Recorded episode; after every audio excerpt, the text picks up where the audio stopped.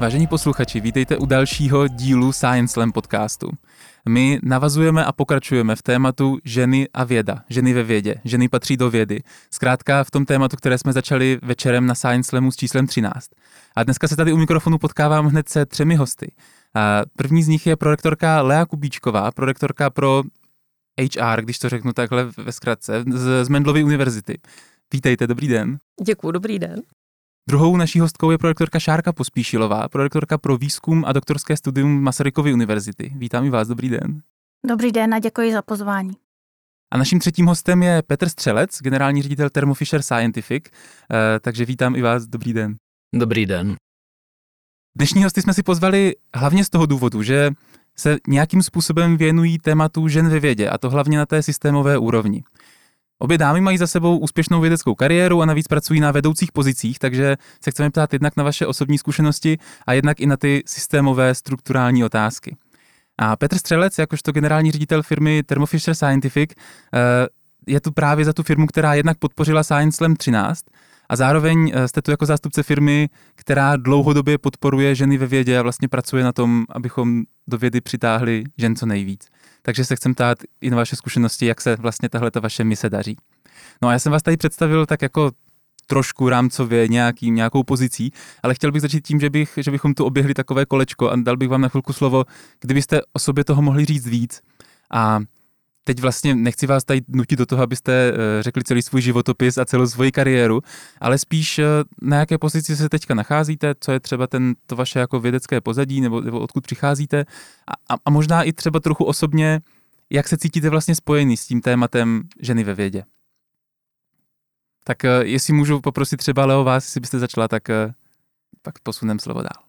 OK, tak eh, já přicházím z Mendlovy univerzity, jak zde zaznělo, a uh, velmi krátce jsem tedy na pozici prorektorky pro, jak byste říkal, HR, my to teď nazýváme personální rozvoj, ale v podstatě je to pozice, kde vlastně to řízení lidských zdrojů mám nějakým způsobem mít na starosti. Na akademické půdě a troufnu si říct částečně ve vědě, tedy jsem opravdu již dlouho, já si myslím, že takových 25 let a myslím si, že všemi těmi úskalími, co ženy ve vědě mohou potkat, jsem si prošla, mám tři děcka, takže různé návraty z mateřských a podobně. No a doufám teda, že si o tom tématu tady s kolegy popovídáme, protože samozřejmě já jsem zvědavá, jak se tady tyhle problémy nebo výzvy řeší třeba právě na Masarykové univerzitě anebo i v té komerci. Jsem, jako těším se. to mám radost, díky moc. Jestli můžu předat slovo vám, Šárko. Eh, děkuji, tak já jsem taky velmi ráda, že mám možnost se zapojit do této diskuse, která mě velmi zajímá, protože taky jsem si osobně prošla uh, tou, těmi různými situacemi, které ženy ve vědě uh, potkávají. Možná k tomu, hm, čím se zabývám, tak já jsem vystudovala přírodovědeckou fakultu Masarykovy univerzity a nyní působím CEITECu Masarykovy univerzity a na lékařské fakultě a e, věnuju se genetice, genomice nádorových onemocnění, zvláště e, leukémii, takže stále e, provozuji vlastní výzkumnou skupinu a snažím se stále publikovat a věnovat se výzkumu a přitom tedy zastávám funkci prorektorky pro výzkum a doktorské studium, takže těch činností je opravdu velká spousta. A kromě toho mám dvě dcery, takže se snažím věnovat i jim. No, tak já jsem tady takový ten outlier, takže předpokládám, že se mě nebudete ptát, jak se cítí žena ve vědě. A to, navíc, nejsem žena, nejsem ani teda vědec, protože jsem šel do komerční sféry po vystudování Masarykovy univerzity, eh, fyziky pevné fáze, nebo teď to myslím, že se to jmenuje nějak jináč, to je jedno. A to no a po nějaké době teda práce v R&D, tak jsem dělal všechny možné jiné věci, rozvoj firmy, fabriky, prostě a tak, ehm, až jsem zase skončil teda oklikou nějak v R&D. A to, eh, čemu se teď věnuji, tak jednak jsou nové technologie, ale je to taky, jsem zodpovědný za sajtu brněnskou a tudíž se věnuji tomu, jak získat ty chytré mozky. A, a a mám pevnou víru, že jak funguje fyzika všude možně, tak funguje Gaussova křivka všude možně, že prostě ta schopnost eh, mezi ženami a muži eh, být dobrými vědci nebo odborníky je naprosto stejná, statisticky samozřejmě. Takže, eh, takže z toho důvodu se snažíme hledat talenty v obou dvou pohlavích. A, a moc se nám to teda nedaří, takže se snažíme víc a budeme se snažit víc, no ale tak to je asi na to povídání už potom. Děkuji moc. Já bych chtěl teď na úvod trošku obrátit pozornost k těm ženám ve vědě, které tu máme u mikrofonu. A vlastně bych se chtěl zeptat vás, jaká byla vaše cesta a, a když tu otázku vezmu úplně jako ze široka, tak Jaké to je konkrétně pro vás být vlastně ženou ve vědě? A jestli jste potkávali po cestě nějaké výzvy, jestli tam jsou teď, jestli cítíte, že je tam nějaký rozdíl oproti ostatním genderům. A, a Petře, na vás ta otázka nemíří, ale zároveň já chci rozproudit tu diskuzi, takže klidně pojďte mi pomoct být zvědavý a doptávat se. a já už, Pokusím se. Děkuju moc. Já už nebudu předělovat slovo, to znamená vlastně budu rád, kdy, když pozdílíte vlastně, jaké to je pro vás, jaké to bylo pro vás, s čím jste se třeba setkávali v průběhu vaší kariéry. Já tady zkusím začít, tak eh, já jsem to měla možná jednoduché v tom, že jsem už asi od základní školy věděla, že se chci věnovat vědě a výzkumu. Takže uh, už na střední škole, na gymnáziu jsem začala dělat sočku, zhruba od těch 16 let jsem začala chodit na biofyzikální ústav Akademie věd. Uh, to trvalo vlastně až do maturity a potom uh, jsem uh, šla studovat právě na tu přírodovědeckou fakultu obor molekulární biologie a genetika. Eh, opět jsem eh, na Akademii věd eh, vypracovávala diplomovou práci a poté jsem začala studovat doktorské studium. V průběhu toho doktorského studia se mi narodila první dcera, takže jsem musela řešit právě ty problémy, které možná řeší mnohé doktorantky, jak skloubit toto doktorské studium, které je náročné právě s péčí o malé dítě. A o tom asi si můžeme ještě povídat dál, jak, jak právě řešit tady tyto eh, možná i osobní konflikty, čemu dát někdy přednost, jestli práci nebo eh, péči o děti, o, o rodinu. Eh, a, ale abych dokončila vlastně to, to kurikulum, tak po tom doktorátu jsem byla na postdoktorském pobytu jednak na Masarykově onkologickém ústavu, také eh, jsem měla stáže v zahraničí, byl jsem na univerzitě eh, v Dundee ve Velké Británii a v Cancer Research Institutu ve Vídni. A potom už jsem vlastně přišla na Masarykovu univerzitu, kde jsem postupně se podílela na budování CEJTECu a nyní jsem třetím rokem na pozici prorektorky. Já se možná rovnou doptám, vy jste zmínila teď to specifikum, že jste teda jako žena z během celé té kariéry, tak eh, kromě toho eh, té problematiky dětí, což je něco, co si asi člověk jako běžně představí, že žena, když má děti, tak v nějakou chvíli potřebuje ten svůj čas nějak jako alokovat na to, aby mohla mít děti a zároveň mohla třeba dělat tu kariéru. Eh, a, a tohle, tohle je téma, o kterým se jako mluví a který mám dojem, že je snadno představitelné, ale potkávala jste třeba i nějaká jako další specifika právě jako, jako žena ve vědě? No, já musím říct, že žádné problémy, eh, které by pramenily z toho, že jsem žena, tak jsem nezaznamenala. Myslím si, že ten přístup k různým pozicím nebo grantům, že, eh, že je rovnocený, ale a z toho, z toho hm, jak jsem zmiňovala, se žádný negativa neby vplývaly. Spíš se to vztahuje eh, k tomu, jakému si rozdvojení, nutnost rozdělit energii mezi práce a v určité fázi teda o tu péči o děti a mm, to je něco, co není úplně snadné a myslím si, že všechny e, vědkyně, které mají rodinu, se s tím nějakým způsobem potýkají, protože ono se to pak projeví, ta absence třeba nějakého období ve vědě, pak v tom, v tom vědeckém kurikulu, v tom CV, kdy potom, když se srovnávají ženy s muži, tak zákonitě ty ženy v průměru mají třeba menší počet publikací ve stejném věku a mohou být méně úspěšné potom v těch eh, soutěžích o granty. Mm-hmm. A to je něco, co by se mělo zohledňovat, protože by bylo nešťastné, aby to ženy handicapovalo. Jaké je to pro vás, Leo, být ženou ve vědě? No, tak já, teď se bude tak jako složitě navazovat, protože já jsem teda rozhodně na střední škole netoužila potom dělat vědu. Já jsem na střední škole asi jenom kalila. Ale na vysoké potom jsem byla takový ten správný student, šla jsem na doktorské studium, odjela jsem ještě v prvním ročníku na stáž do zahraničí, pak jsem se vrátila a zjistila jsem, že teda se nám narodí první dítě a um, tím jsem si začala procházet tady těmi, řekněme, drobnými uh, úskalími toho býti ženou, uh, protože právě ty návraty po těch mateřských jsou složitější v tom, že vám opravdu chybí ty publikace, protože s tím úplně malým miminkem, já jsem třeba nezůstávala s dětmi příliš dlouho doma, měla jsem možnost se vrátit poměrně brzy na zkrácený úvazek, Eh, tak eh, to potom cítíte. Ale pro mě v té době, protože moje nejstarší dítě už je poměrně staré, já jsem měla v 99. první dítě, a tak eh, v komerci nebylo tolik příležitostí třeba pracovat na zkrácený úvazek a mě ta akademická sféra přišla v tomhle úplně super. Taková jako rodiče friendly, jo.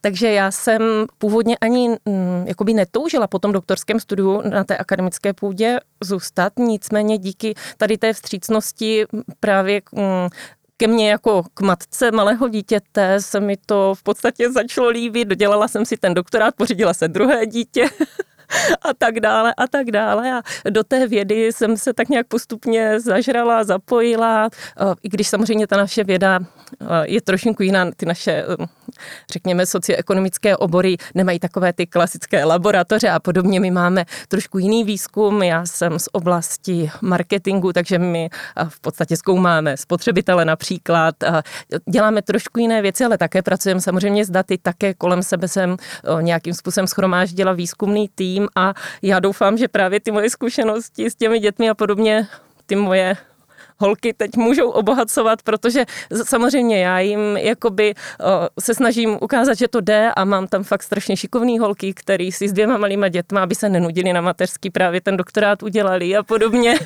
jako, takže trošku jiná cesta, ale v podstatě taky nikdy, tak jako paní kolegyně, jsem třeba nenarazila na to, že být ženou by byla nevýhoda. Já mám naopak pocit, že někdy třeba v těch ryze mužských kolektivech je to docela výhoda. A um, Pakliže nyní mm, i ty instituce se snaží i ty grantové agentury právě k tomu handicapu těch žen, že třeba mají v tom životopise nějakou díru, když byly s dětmi na rodičovské dovolené přihlížet, tak si myslím, že ani nějaké jakoby institucionální překážky nyní ženy vědkyně by neměly pocitovat. No já, já když to sleduju, tak je to vlastně strašně podobný tomu průmyslu s tou jedinou věcí, kterou jste zmiňovala, že že v té akademii, akademie je více otevřená těm částečným úvazkům. To jsem nevěděl, že jo, a, a já bych řekl, že obecně eh, průmysl v Česku je v tomhle tom jako zastaralý, jo, to je doba kamená, jako poměrně, jo, to se snažíme prorážet u nás ve firmě taky. On je to vždycky pro ten management složitější, že jo, a tak.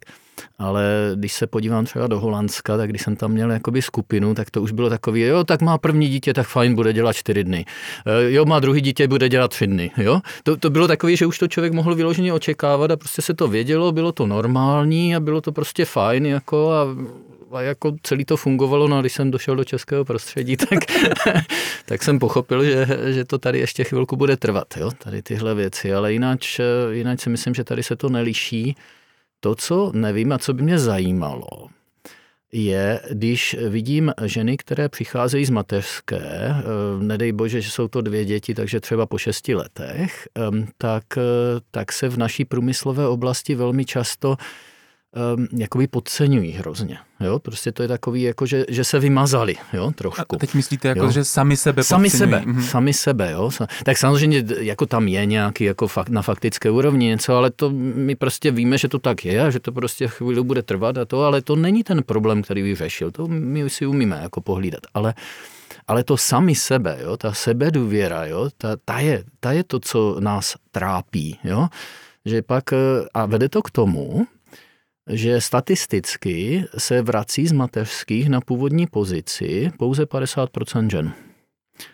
A ty ostatní si hledají jednodušší pozici, což samozřejmě chápu, protože ta péče o děti pokračuje dál a je to složitý. To je jako, já mám výhodu, že jsem chlap, takže eh, jo, tohle bych jako nechtěl vůbec komentovat, jo, to je fakt náročný.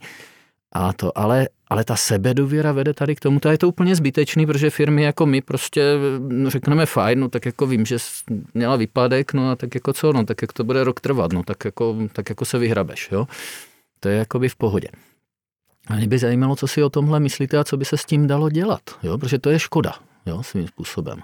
Tak já, jestli na to můžu zareagovat, tak eh, já jsem se nedávno setkala vlastně i s takovým tím psychologickým termínem, který tady to popisuje, mm-hmm. to je ten imposter syndrom neboli syndrom podvodníka, který se týká víc žen a právě je to o tom mm-hmm. sebepodceňování. A asi je to tak, že skutečně ženy si míň věří a možná i potom míň aplikují o ty vyšší pozice, o ty granty prestižní, hmm. jak v Česku, tak mezinárodní. A potom výsledkem je toho, že máme třeba, když spočítáme, kolik máme profesorek versus profesorů, tak profesorek je asi jenom 18 eh, docentek 28%, aspoň na naší univerzitě, a to je, to je hodně málo. Hmm. Já bych ještě si dovolila navázat na paní kolegyni, eh, protože jsou různé typy vědních oborů a možná v některých je ten návrat z mateřský těžší a v některých lehčí, tak eh, v těch oborech, kde se dá pracovat víc doma, dělat možná nějaké ty analýzy na počítači, tak tam se to možná s nás kombinuje. Když to v těch laboratorních oborech, kdy skutečně fyzicky ta, ta žena vědkyně, která přijde z mateřský, musí tam ten čas trávit, protože to musí rukama odpracovat ty laboratoři, eh, tak tam je to o něco, o něco komplikovanější než těch možná i často i humanitních oborech, protože nemůže, musí si zajistit hlídání a mm, nemůže pracovat tak snadno doma. Tom já teda naprosto souhlasím. Právě my v těch, třeba v těch sociálních uh, vědách, uh, kdy můžu mluvit jakoby za sebe, máme tu výhodu, že vy opravdu si ta data přetáhnete a pak na nich v noci děláte, když dítě spí. Ale kolegové, samozřejmě u nás máme taky chemiky, laboratoře, že jo? máme přírodovědecké obory velmi silně zastoupené a uh, tam vím, že kolegyně řeší přesně to, co vy říkáte, že si musí prostě najít to hlídání pro ty děti, aby ten experiment v té laboratoři založili a aby tam fyzicky byli. Jako věřím, že mohou třeba v rámci toho týmu participovat potom třeba na zpracování těch dat, když ten tým je větší, tak se to dá nějakým způsobem rozdělit, a, ale uh, určitě ty podmínky jsou různé. Já, já myslím, že zase ta, ten vědecký experiment, v tom je taková malá výhoda, i když eh, kolegyně musí tam fyzicky být, tak si to můžou sami nadizajnovat. A nemusí začít třeba v 8 ráno, ale pokud eh, třeba potřebují děti odvést do školky, tak se nic nestane, že začnou o hodinu později, pak tam zůstanou díl, nebo naopak některý volí tu variantu, že začínají v 6 a pak jdou brzo domů, aby mohli pečovat o děti odpoledne. Čili to není tak, jak když u jiných povolání, když třeba učitelé, lékaře, kdy skutečně tam musí být na určitou přesnou hodinu a mají menší flexibilitu, tak to bych viděla jako jakousi přece jenom výhodu pro mnohé vědecké obory. A právě i ty zkrácené úvazky, já si myslím, protože často i v tom týmu můžete participovat jenom řekněme částečně, nemůžete, nemusíte být tam full time a to v té komerci dosud si myslím, že je poměrně složité pro ty ženy jakoby uh, vrátit se a jenom na čtyři hodiny, no tak jako zapomeň, jo. Tak a, to si myslím, že my v tom na té vysoké škole obecně, když to tak, nebo vysokých školách si myslím, máme velikou výhodu. Ne, určitě je to tak a u nás na Masarykově univerzitě eh, hodně právě pro, eh, prodlačujeme tady ten systém možnosti zkrácených úvazků a eh, je to vlastně součástí toho plánu genderové rovnosti na celou univerzitní úrovni a já můžu říct, že za, za svůj vědecký tým, že vlastně většina kolegyň, které, které se vrací z mateřský, tak se vrátili nejdřív na částečný úvazek. A uh, myslím si, že to je právě to, co, co ty vědkyně potřebují, že třeba v půl roce, roce se vrátí na poloviční úvazek, buď to, že jsou tam třeba dva, tři celé dny, nebo každý den čtyři hodiny, pak si to zvýší na tři čtvrtě úvazku a třeba až jde, jde dítě do školy, tak mají, mají celý úvazek. A to je, myslím, jedna z těch hlavních věcí, co ženy potřebují. Ale já myslím, že možná i muži, protože my třeba máme jako pružnou pracovní dobu, eh, což eh, zaměstnanci berou jako velké pozitivum, protože ono, když chcete zvládnout tu školku, třeba vyzvednout ta dat, když školka začíná v sedm a končí ve čtyři, tak to jako je hodně složité. Takže třeba ten benefit té pružné pracovní doby, vím, že oceňují nejenom ženy teda, ale i ti muži, protože oni se snaží taky těm ženám nějak pomáhat, že s těmi dětmi a podobně. Já jsem, já jsem, to jsem ty muže chtěl sám přinést, protože jsem si říkal, i když se vrátím k tomu tématu sebevědomí, jestli třeba, jestli vlastně to samé neřeší muži, protože jsou určitě, není jich tolik, takže možná nemáme ten jako vzorek, ale uh, jestli třeba máte s tím zkušenosti, že se muž vrátí po rodičovské dovolené, klidně po třech letech do práce, jestli je to to samé, nebo jestli naopak se setkáváte třeba s tím, že ti muži prostě jako naskočí nějak sebevědoměji v tomhle. No já, já mám zkušenost, máme, máme i muže, kteří byli uh, rok nebo dva na mateřské. Nepozorovala jsem, že by byl tam nějaký problém s tím sebevědomím, ale uh, jsem ráda, že vlastně vůbec takový muži už začínají existovat, že skutečně delší dobu v řádu let uh, jsou doma a umožní své ženě pracovat, pokud o to stojí a pokud má třeba nějakou pozici, kterou nemůže na dlouhou dobu opustit. Víme, že tady ty mateřské nebo ty rodičovské dovolené pro otce jsou eh, vlastně standardní v některých zemích, hlavně ve Skandinávii. U nás to zatím ještě zvykem není, ale, ale třeba ta doba přijde, uvidíme. My takhle máme právě třeba na designový návratový grant, který je, řekněme, obecně pro rodiče a může zažádat samozřejmě i muž, když se vrací z té rodičovské dovolené. Zatím teda vím, že dvakrát to teda žádali ženy a vyhráli ženy. Nevím, jestli tam byl i nějaký jako aplikant muž, ale principiálně může. Já třeba teda osobně žádného muže takto jako i navrátivšího se po delší nějaké rodičovské dovolené neznám, ale určitě budou. Jo, já bych také ráda zmínila, že my jsme na, na, u nás na univerzitě zmi, eh, zřídili v rámci GAMu, což je grantová agentura Masarykovy univerzity, speciální schéma, které se jmenuje Career Restart. A eh, v loňském roce jsme udělali šest návratových grantů, v letošním roce 10 a plánujeme eh, toto schéma dál rozvíjet a je to vlastně určeno těm, kteří přerušili kariéru například z důvodu rodičovské dovolené, případně z důvodu jiných, jako je onemocnění a podobně. A je to taky otevřené napříč mm, ženám i, i mužům. Zatím jsme tedy měli aplikace jenom od žen a myslím, že to je schéma velmi populární. A aby ho trošku popsala, tak právě myslím si, že ženám umožňuje návrat na mm, menší úvazek, dostanou půl milionu korun ročně po dobu dvou let a e, během tohoto období si můžou požádat o grant v grantové agentuře a tam potom získají třeba peníze na svůj výzkum, čili vede to už takovému třeba osamostatnění, vybudování vlastního malého týmu a zároveň mají nějakou samostatnost a tu flexibilitu, kterou potřebují, když mají doma malé děti. No, u nás je to v podstatě podobný princip a já si myslím, že tohle právě může dodat to sebevědomí těm navrátivším se rodičům.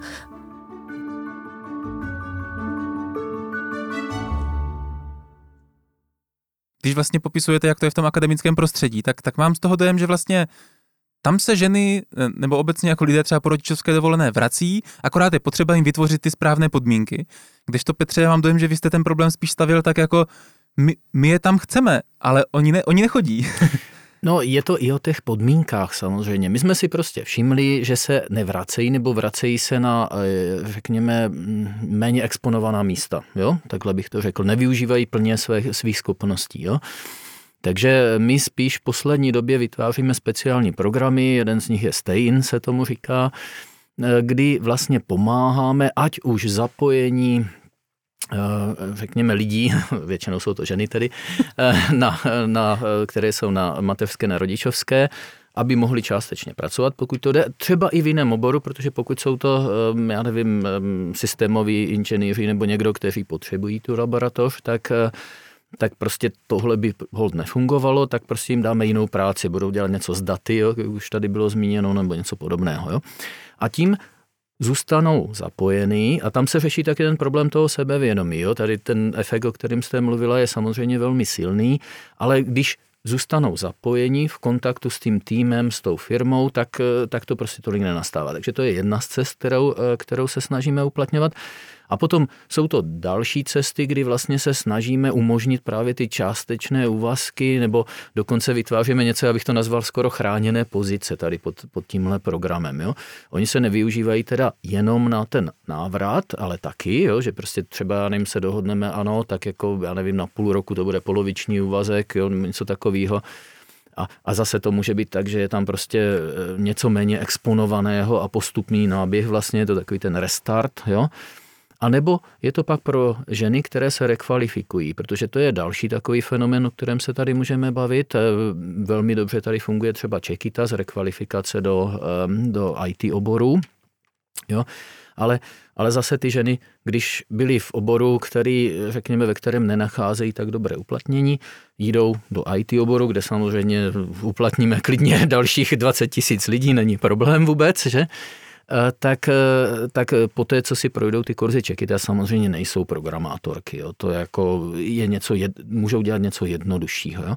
Takže máme zase vytvořená místa, kde specificky je to označené, že toto je proto, aby se mohli naučit dál. Jo. De facto neočekáváme ten výkon od toho. Jo a, a pomáháme vlastně, toto velmi často nastává po mateřské, že si na mateřské uvědomí, já už to nechci dělat, tam to, co jsem dělala, nebo, eh, nebo právě kvůli dětem, jo, no, když je víc dětí, ono to asi jo, nebo mohou být děti, které mají nějaké specifické požadavky, jo, a pak jdou a já půjdu radši na to programování, jo. Takže vlastně se snažíme umožnit tady tenhle přechod, jo, že kdy dostanu třeba základní kurz ještě v průběhu mateř, mateřské od Čekitas, a potom u nás nastoupí, teď te, myslím, že loni jsme tam měli asi 15 žen, jo, tady v nějakých takových režimech, jo. A zase s těmi manažery se bavíme a víme, že to trvá rok, rok a půl, než začnou vykonávat plně hodnotnou práci. No ale prostě po tom roce a půl se jim taky ta jejich situace rodina posunuje, že jo, a oni jsou zakvalifikovaní a vlastně překonáme tady všechny ty obavy nebo, nebo tu ztrátu sebevědomí nebo, nebo další věci, prostě se to utřepe, jo, a zase, zase někdo může naskočit jiný do toho kolečka, jo, eh, těchhle, těchhle míst. Takže musíme proto něco aktivně dělat, eh, doufáme a vidíme teda, že se to děje, že se nám díky tomu vrací více žen z mateřských, no, nebo, nebo na rovinu stahujeme ženy z mateřských od jiných firm, které už by se tam nevrátily. to se nám děje taky samozřejmě. A to no, tak poskytneme jim, řekněme, výhodnější podmínky, no tak jako proč ne, no tak je to biznis, no tak co si budeme vykládat, jo, to je jako... A získat, získat dobrého zaměstnance, to je pro nás alfa omega, že jo, to je jako všechno je to postavené na, na, na těch talentech, jo, na, takže firma nejsou pěkné budovy, ale, ale, ale výborné týmy a, a schopní lidé. Jo? Takže, takže je to mm, samozřejmě i biznisově podložený, to není jako jenom, jenom náš charitativní zájem, je tam samozřejmě i tento aspekt, ale, ale to jde ruku v ruce s biznisem. Vy jste hodně teď zmiňovali všichni tři vlastně, eh, jaké konkrétní nástroje využívají ty vaše instituce k tomu, aby umožnili vlastně jako lepší přístup třeba po té mateřské. Eh, Jaké další nástroje využíváte právě v vašich odvětvích, které by právě podpořily ženy ve vědě, ženy na těchto pozicích? A teďka možná nejenom v tom, že se jako vrací po tom, co mají děti, ale, ale jako obecně, jakým způsobem vlastně funguje u vás podpora pro, pro ženy do vědy? Tak e, já možná zmíním, že existují i na celostátní nebo mezinárodní úrovni podpora, například ceny typu L'Oreal nebo ceny některé udělované ministerstvem školství, mládeže a tělovýchovy, jsou přímo určené, určené ženám, tak to určitě jakoby potěší, když, když je něco takového přímo cílené na ženy. Eh, my se snažíme, i když eh, vyhledáváme eh, vědce a my máme na to speciální schéma, které se jmenuje MESH, to znamená Masaryk University Award in Science and Humanities a snažíme se každoročně přilákat několik eh, excelentních vědců, kteří by přišli ze zahraničí a vybudovali si u nás vědecký tým. A snažíme se myslet na to, aby tam byly zastoupené i ženy, i když musím přiznat, že mezi těmi aplikacemi je pořád víc mužů, ale to bude asi o té, o té sebedůvěře, eh, jak už jsme o tom mluvili.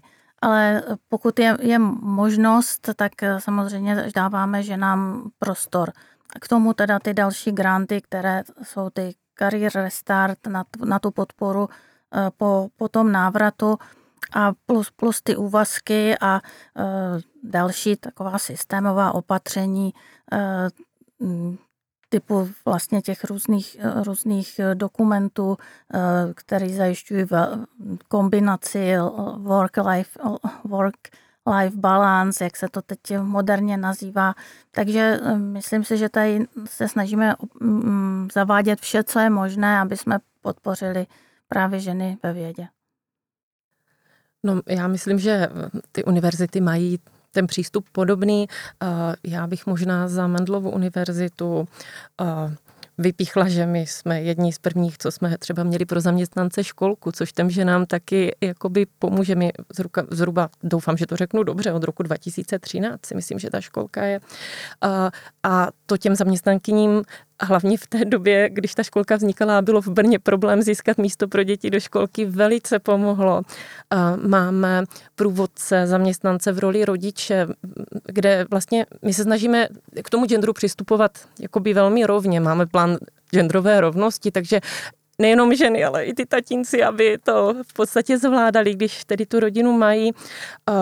Máme nově koordinátorku třeba pro slaďování práce a rodiny, což by zase těm ženám, které přemýšlí, že u nás zůstanou a oni zůstávají, což je dobře, tak může potom usnadnit to rozhodování, protože já si myslím, že právě v té vědě jako dostudovat vysokou školu super, začít doktorský studium super, ale i z těch statistik, řekněme celonárodních, vyplývá, že strašně moc právě žen po dostudování toho doktorského studia pak začne mít tu obavu z toho, že už budu na děti stará a podobně a v podstatě jakoby na ty akademické a vědecké pozice se už tolik nevrací. To se vrací daleko nebo zůstává na těch školách více mužů. Takže já si myslím, že když uvidí, že vlastně ty podmínky jsou tady jakoby nachystané a když už jsme do nich tolik nainvestovali, do těch mladých vědců, co u nás dělali ty doktoráty, tak by bylo škoda, aby odcházeli. Takže i tohle si myslím, že může jakoby pomoct i ukázat, prostě nejste na to sami, jsme na to s vámi a my vám pomůžeme, podáme vám tu pomocnou ruku. My třeba teď úplně aktuálně Pracujeme na tom, že se snažíme nějak pomoci zaměstnancům při slaďování zahraničních cest a rodinného života, protože když máte třeba malé děti a chcete odjet někde na 14 dní, tak eh, je to docela složitý, protože ty školky opravdu jsou do a eh, když máte úplně malé děti a třeba manžel chodí do práce, tak co s nimi? Takže i řešíme, jestli by se nedala domluvit třeba nějaká skupina dětská, kde by opravdu ty, ten tatínek, třeba když ta maminka odjede, ty děti mohl uh, odložit tímhle způsobem a nemusel by si je brát sebou do práce. Takže mm, těch nástrojů je celá řada. No. Tak já doufám, že nám to pomůže, protože zatím my máme poměrně pěkné zastoupení žen. Já jsem se dívala i na čísla a e, až mě jakoby potěšilo, že vyloženě u vědecko-výzkumných pracovnic u nás jsou ze, e, napříč všemi fakultami ženy zastoupeny 48%, což je jako pěkné. O, mezi akademiky jsme se pohybujeme něco nad 30, když bych to zprůměrovala, ale pořád je to lepší než ten celo, řekněme, český průměr, kde jsme teda v rámci Evropské unie docela na chvostu Česko, což je ostuda. Že? Jo, jo, tak to jste na tom, to jste na tom ještě docela dobře. tak jako, kolik je to u vás, když pozdílíte? um, uh, přes všechny bandy je to 23 zhruba procent, uh, něco takového. A je to velké zlepšení proti minulosti. Jako já si ještě pamatuju dobu, kdy jsme byli takový malí, jako ještě takový ten startup se rozvíjející a já jsem zháněl první ženu. Jo. Takže nemyslím tím manželku, ale... jsem se chtěla zeptat, kolik jich máte? no, taky mám z firmy manželku chvilku. Takže um, do, tenkrát to bylo do, do výrobní oblasti, ale to je jedno. Ale eh, takže jako dostali jsme se k číslům mě teď zajímá víc to R&D, samozřejmě tam, tam jako taky ta čísla postupně rostou, ale samozřejmě pokud půjdeme k těm vyšším bandům, to je u vás něco jako ty akademické hodnosti a podobně, tak samozřejmě tam to zastoupení je malinkaté. Jo? To, to jako bohužel je pár procent. Náš problém je ještě jeden. Vy obě reprezentujete obory, kde, které jsou ještě relativně populární mezi ženami studovat. Jo? Jako můj největší problém je eh, elektronika, mechanický design, eh, Fyzika ta ještě tak jako občas se nějaká žena objeví, jako taky, ale prostě tady tyhle ty takzvané hard obory, jo, to je, to je jakoby velký problém a když jsem tak nedávno se jako zjišťoval, jako říkám, tak jako kde jsou ty elektroničky, sakryž, děláme všechno, co jde, tak jsem šel na VUT, na elektrofakultu a říkám, tak jako jak to máte, kolik tam máte těch procent? A to procento bylo, já teď eh, mě nezastřeli, já si to nepamatuju přesně, ale ale někde kolem, já nevím, 12% nebo něco, tak říkám, no tak jako to je poměrně slušný, to by se jako mělo v té pipeline najít víc žen, jo. A tak říkám, dobrý, a, a, a co teda mikroelektronika a co tohle? A to bylo, no tak počkat, počkat, tak to, to jsou tyhle, tyhle tvrdý obory, to ne, tam to bude někde pod 5%, že? Tak jako ono to zachraňuje obory typu um, angličtina pro elektroobory a podobně, že? Které jsou, řekněme, dominantní zase v té chvíli uh, procentuálně.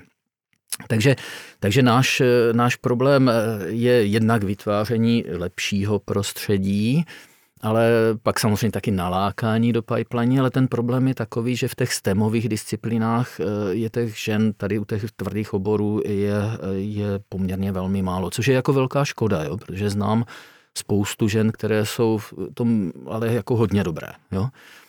Takže, takže tak, no, takže jako průmysl s tím bojujeme, že jo, tady to, toto téma je něco, co podporuje korporát, už samozřejmě dlouhodobě jsou na to cíle, že jo, začínají se dělat takový ty Eh, jak bych to nazval, eh, tvrdé požadavky typu, že pipeline musí být 50, eh, pipeline, myslím, v náboru, že vlastně než se ta pozice uzavře, jo, tak v tom náboru by mělo se objevit aspoň 50% žen. Jo. Takže od určitých pozic, od určitého významu, prostě tohle, no tak to je pěkný, no, tak pak ta pozice zůstane otevřená rok, no. takže, takže jako to je spousta věcí spojených um, prostě ženy v tvrdých disciplinách moc nejsou. Takže já se zaměřuji taky hodně na to, jak a, to bych rád spolu s univerzitami, jak ty ženy přimět k tomu, aby to studovali, protože ty schopnosti mají. Že? A pak začneme bavit, a proč to nejdou studovat, proč mají tu preferenci jinak posazenou a najednou budete u rodiny, budete u našeho kulturního kontextu, eh, jo, u celé té společnosti a, a začnou vylízat strašně zajímavé věci. A já jsem se vlastně tím směrem trochu chtěl podívat, protože tak, jak vás poslouchám, tak, tak to vnímám, hele, jako na těch institucích ty bariéry nejsou. Tam naopak spíš se to snažíte usnadňovat, jak jen to jde a spíš jako přilákat ty ženy, jako pojďte hmm. za náma, my pro vás uděláme první, poslední, ale pojďte k nám. Hmm. Takže kde jsou vlastně ty bariéry? A teďka možná se potřebujeme podívat na nějaký jako společenský kontext, nevím, jo, co vnímáte, že vlastně je ten důvod, možná je tady nějaký jako Eh, historický důvod, nějak, jako setrvačnost samozřejmě asi tady funguje, ale co jsou podle vás ty hlavní důvody, proč teda nemáme 50% žen ve vedoucích pozicích, třeba v akademii, jo, kde říkáte 18% profesorek, tak proč jich není 50 na 50? Když vlastně podle toho, jak se o tom bavíme, tak by asi ta podpora tam i byla. No já možná začnu, on je to stejný jako proč v ředitelském bendu eh, prostě nenajdu těch 23%, který máme, ale najdu tam prostě nějaký 3% třeba nebo něco takového, že když si vezmu svoji kariéru a když si představím, že bych ji na plácnu 6 let přerušil, tak bych se nikdy nedostal na tu pozici, kde jsem. Prostě to přerušení by bylo fatální, jo, svým způsobem, jo. Teď samozřejmě v dnešní době už možná ano, protože ty firmy všechny se snaží a třeba firma Thermo Fisher opravdu jako to je já už skoro začínám říkat, že je to moc, jo? že už bychom měli z, jako zbrzdit, jo? protože ono, ono, se to dá přehnat a dá se to pokazit, jo? protože pak se ženy dostanou do velmi špatného postavení, protože já nechci zažít moment, kdy nějaký, jak to říct, eh, mačistický muž začne pronášet eh, stylu ty seš tady jenom proto, že jsi žena, že? To by bylo velmi sprosté, dehonestující a a, a vlastně zabilo by to vlastně o to, o co se snažíme. Že jo? Takže jako oni takový ty tlaky z hora typu a musí být tahle kvota a musíte tohle dělat a tady tohle a, a zmasírují vás na každým měsíčním review a podobně, no tak to jako není vždycky úplně pomáhající a firmy tohle dělají strašně rádi teda. Jo, takže, eh, takže takhle. Takže ano, všechny podmínky jsou, ale ono to je, eh, musíme to posunout někam jinam. Jo, tady tohle to celý. No a já si myslím, že musíme eh, to posunout do rodiny. Jo. To samozřejmě nevyřešíme ten eh, problém eh, v nejbližších pěti letech, jo, ale já, já to uvedu spíš takovou historkou, kdy jsem byl u nějakých známých a teď nějaká diskuze o jejich dceři která tam vyhrávala nějaký, já nevím, jestli to byla matematická nebo fyzikální, to je prostě jedno, nějakou tu tvrdou disciplínu olympiádu, jo. No ona chce jít studovat inženýrského cosi, jo. Já myslím, že to bylo nějaký spojený s IT nebo s něčím takovým, jako říkám, no super, no to ani náhodou, to není pro ženskou, jako prostě, to prostě právnička, nebo, nebo něco prostě jiného tam vymýšleli, nebo lékařské obory, nebo prostě učitelka, tak říkám, co blbnete, jako ju to baví. Má proto zjevný vlohy a bude se promiňte, mít lépe než ta doktorka, když bude ajťačka, tak jako vemte si, jaký jsou platy eh, solidních programátorů, že? A to, ale prostě ta rodina, prostě no to v žádném případě holka, jako no to prostě, Jo? Takže ten předsudek začíná v rodině. Jo? Já jsem se jim samozřejmě něco snažil říct, ale to řeknete jedné rodině, jak to doručit všem rodinám, jak jim vysvětlit, že ta inženýrka může mít zdařilou kariéru a ještě u toho mít děti teda. Jo? Eh, jo, vím, že jsou mimo vědecký obor, jo, jsou spíš v inženýrské oblasti, ale myslím si, že to bude úplně stejné. A potom, a to je druhá věc, a to je nerozumím, to bych chtěl slyšet spíš o vás, proč si ženy prostě, když, když třeba jej netlačí ta rodina, vyberou ty obory, kde typicky je samozřejmě převaha žen, že? Takže ať už jsou to obory biologické nebo, jo, nebo marketingové obory, že jo, tak tam těch žen je podstatně víc, ale proč, co je odrazuje od toho být programátor nebo, nebo být elektronik nebo být mechanický konstruktér nebo cokoliv dalšího?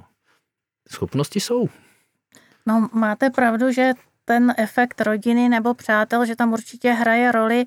A já zase, když vzpomenu na svoje dětství, jak jsem teda od začátku chtěla být tím vědcem, tak když jsem byla úplně malá, tak se mě hrozně bavila astronomie. Já vím, že babička mi říkala, prosím tě, budeš někde v noci sedět na hvězdárně, to vůbec není pro holku, jo. Hmm. E, tak potom to dítě to, to vnímá hmm. možná i podvědomě a trošku mě to ovlivnilo, ale přesto jsem měla dobrou vůli studovat fyziku, ale trošku do té biologie, biofyziku, ale zrovna v těch letech se eh, ten obor neotvíral, takže jsem skončila ty molekulární biologie a vůbec toho teda nelituju. Jsem, myslím si, že je to hrozně perspektivní obor, molekulární biologie a genetika, takže, takže z mého hlediska to dopadlo dobře, ale určitě je pravda, že ty předsudky okolí hrajou poměrně významnou roli. A myslím si, že za našich dob to bylo jakoby ještě víc, protože eh, já mimo teda Mendlovy univerzity jsem absolventka i VUT a za nás byl typický vtípek jedna je škaredá, druhá je taky z VUT. Já si to můžu dovolit říct jako absolventka. Snad jsem nespůsobila nějaké fópa, zdravím eh, své bývalé spolužačky a spolužáky. A, eh, takže ono opravdu za těch našich dob to takhle bylo. Jako, myslím si, že teď je to víc cool. Moje dcera studuje informatiku a mm, je spokojená, když se každý překvapeně podívá a řekne, taková kočka, já jsem myslel, že děláš modelku a ty seš ajťačka, jako jo. Takže um, myslím si, že jsou určité předsudky, kterými ta společnost je zatížená. A zrovna v tom IT už eh, pan kolega zmiňoval Čekitas, což si myslím, že je výborná iniciativa, eh, který se taky účastní, myslím, kolegyně z fakulty informatiky MU a, a z dalších. A je to takový, že se, že se ty, ty ženy osmělí právě a vstoupí do toho oboru a třeba se jim zalíbí a pak se mu věnují i dál. Takže, takže myslím si, že takových iniciativ by bylo dobré, aby existovalo víc.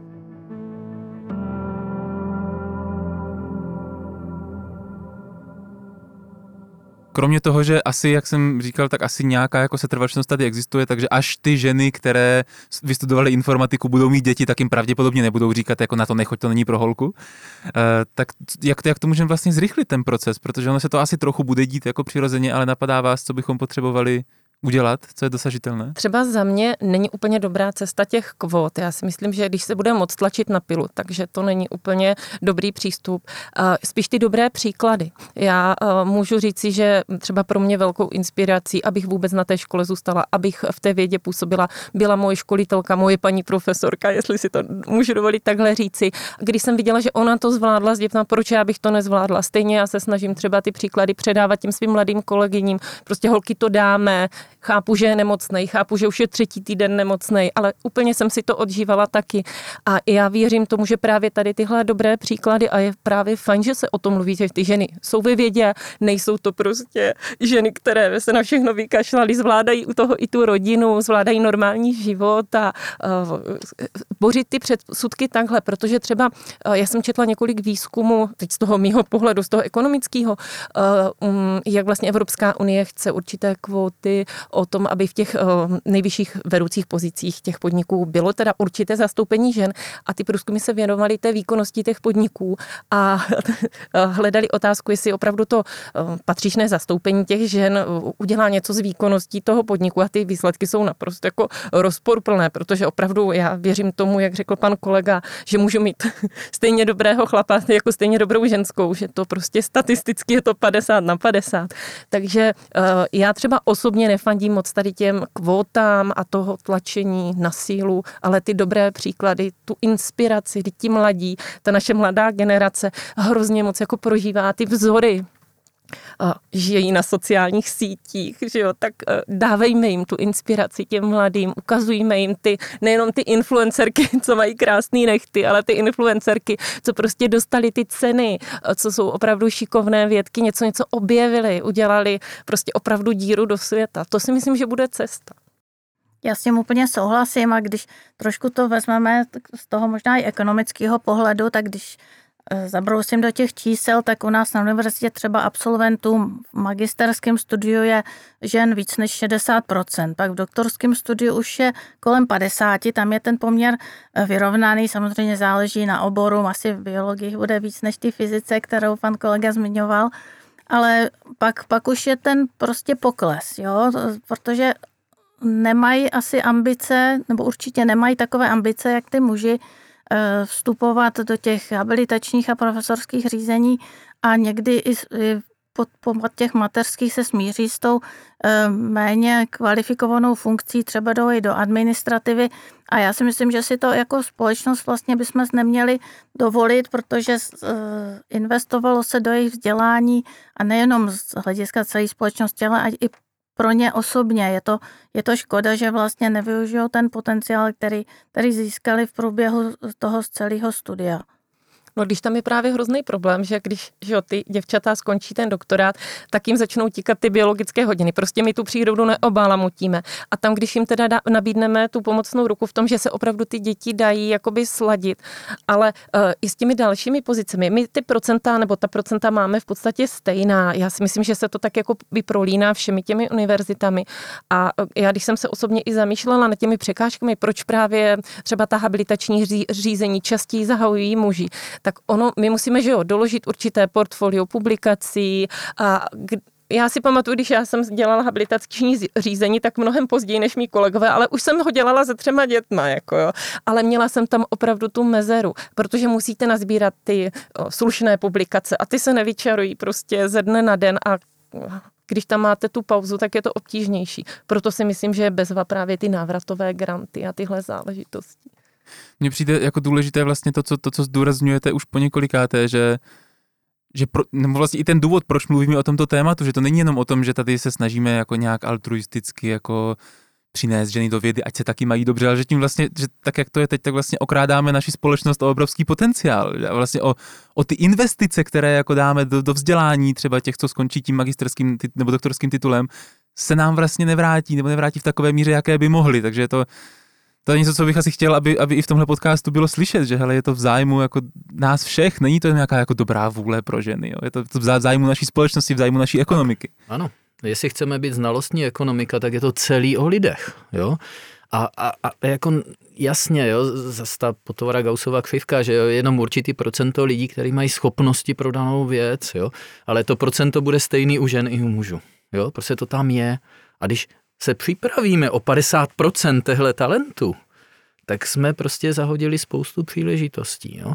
Takže to je to, co musíme udělat. A na rovinu, tady ještě strašně důležitý eh, jedno. Já, já bych nikdy nenutil nikoho, třeba ženu, která sice možná má schopnosti na matematiku, ale strašně ubaví, a teď co si, já nevím, co si vymyslím, biologie, třeba, omlouvám se. a, to, jo, a to, já bych ho nenutil do té matematiky, jo, protože, protože nakonec, když je člověk v něčem má být dobrý, tak je to samozřejmě otázka nějakých schopností, pak je to otázka strašně tvrdé práce a studia. A to všechno je podnícený tím zájmem. Když mám zájem, tak prostě budu makat. Když mám zájem, začnou mě napadat věci, jo, prostě ve sprše se budu sprchovat a, a budu tam vymýšlet úžasné záležitosti, jo. Takže já si myslím, že je to celý o tom, a to teď říkáme a děláme. Já jsem jako nějak tak jako uvedl, že, že by to před, že jo, já už taky mám za sebou 30 let ve firmě, jo, a něco, jo, už jsou takové jako postarší, že? A to tak, tak jako, že v té mé době to bylo jakoby složitější. Teď si myslím, že ty možnosti, a potvrzuje se to, tady jsou. Teď potřebujeme přesvědčit, potřebujeme umožnit těm lidem, aby našli, co je fakt baví. Jo? A to a a, a možná je potřebujeme vůbec motivovat, aby přemýšleli nejenom v úzkém tunelu, ale aby se dívali šířeji. Jo? Já, já jako v žádném případě, já si beru do, do pusy tu biologii, ta biologie je stejně e, důležitá jako jiné obory samozřejmě. Jo? Takže jako bude-li naše biologie zastoupena ženami, tak akorát řeknu, ano, možná tady chybí pár chlapů, který zrovna má na to talent a měli bychom motivovat ty chlapy, aby začali něco v té biologii dělat, jo? protože tam zase to procento je asi opačně. Jo? Ale nakonec je to celý o tom, dejme lidem příležitost, přesvědčme o tom, že můžou dělat cokoliv, na co si zmyslí, co si dokážou vysnít a pomožme jim v tom. A když se tohle stane, tak si myslím, že celá ta společnost se obohatí začne právě takový ten var typu toho Silicon Valley, jo, že prostě všechno je možný. Jo? A to je to, co potřebujeme. My se ještě furt jako hodně držíme, jako zpátky při zemi. Jo? A já si myslím, že to je to, co drží ty ženy, jako se dávej panenko v koutě. Že jo?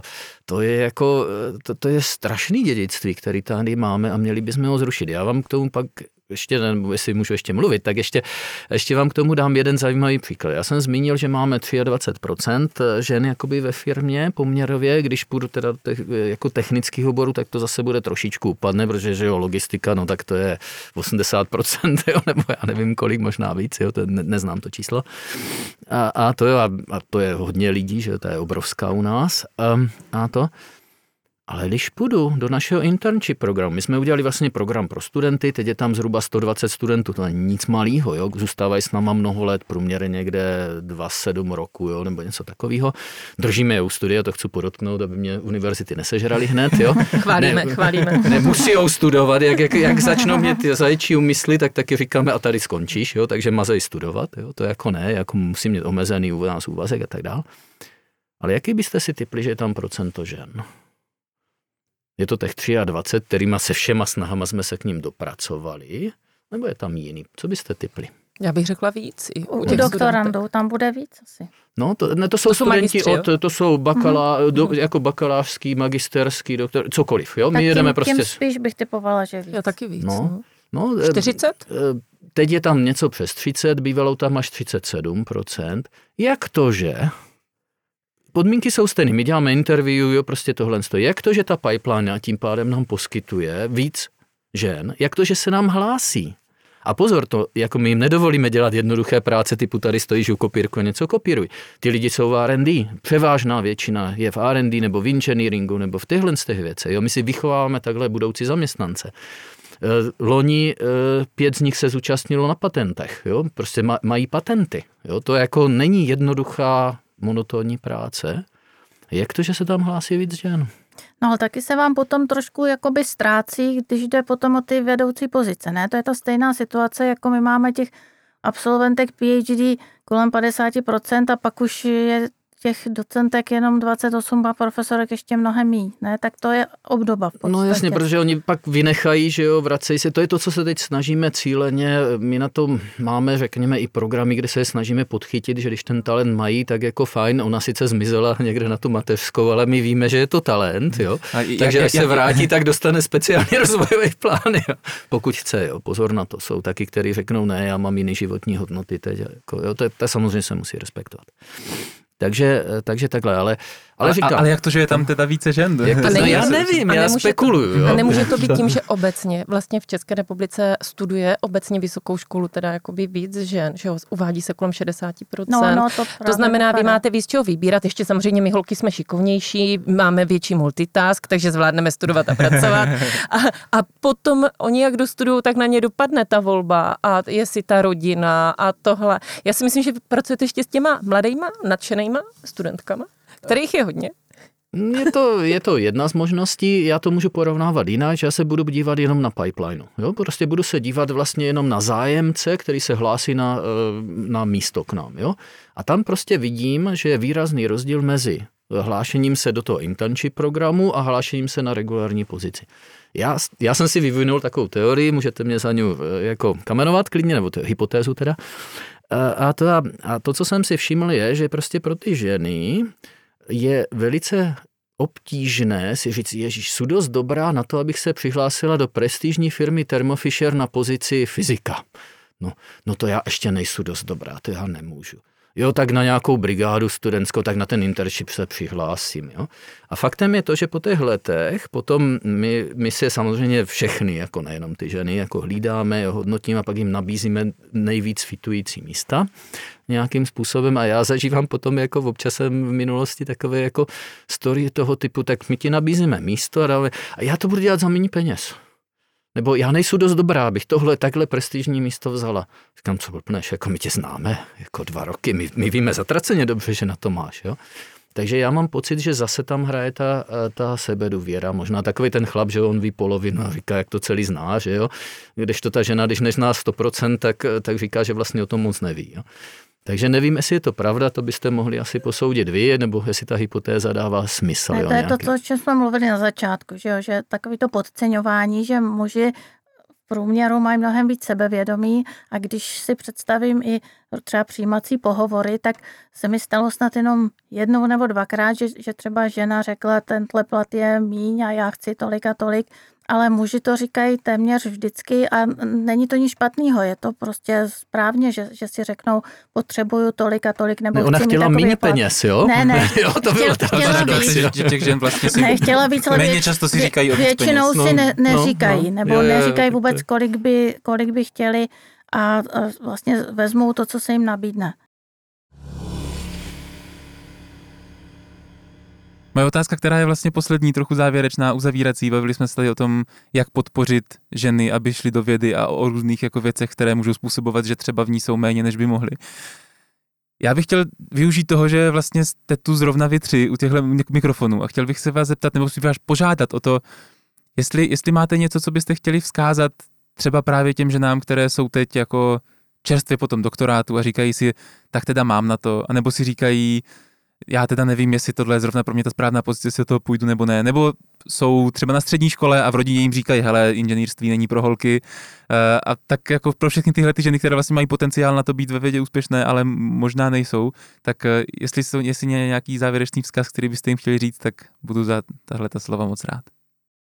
Myslím si, že je důležitý uh, si říct takový to chlapský, já to zkusím, já na to mám. Jako, ať je to cokoliv.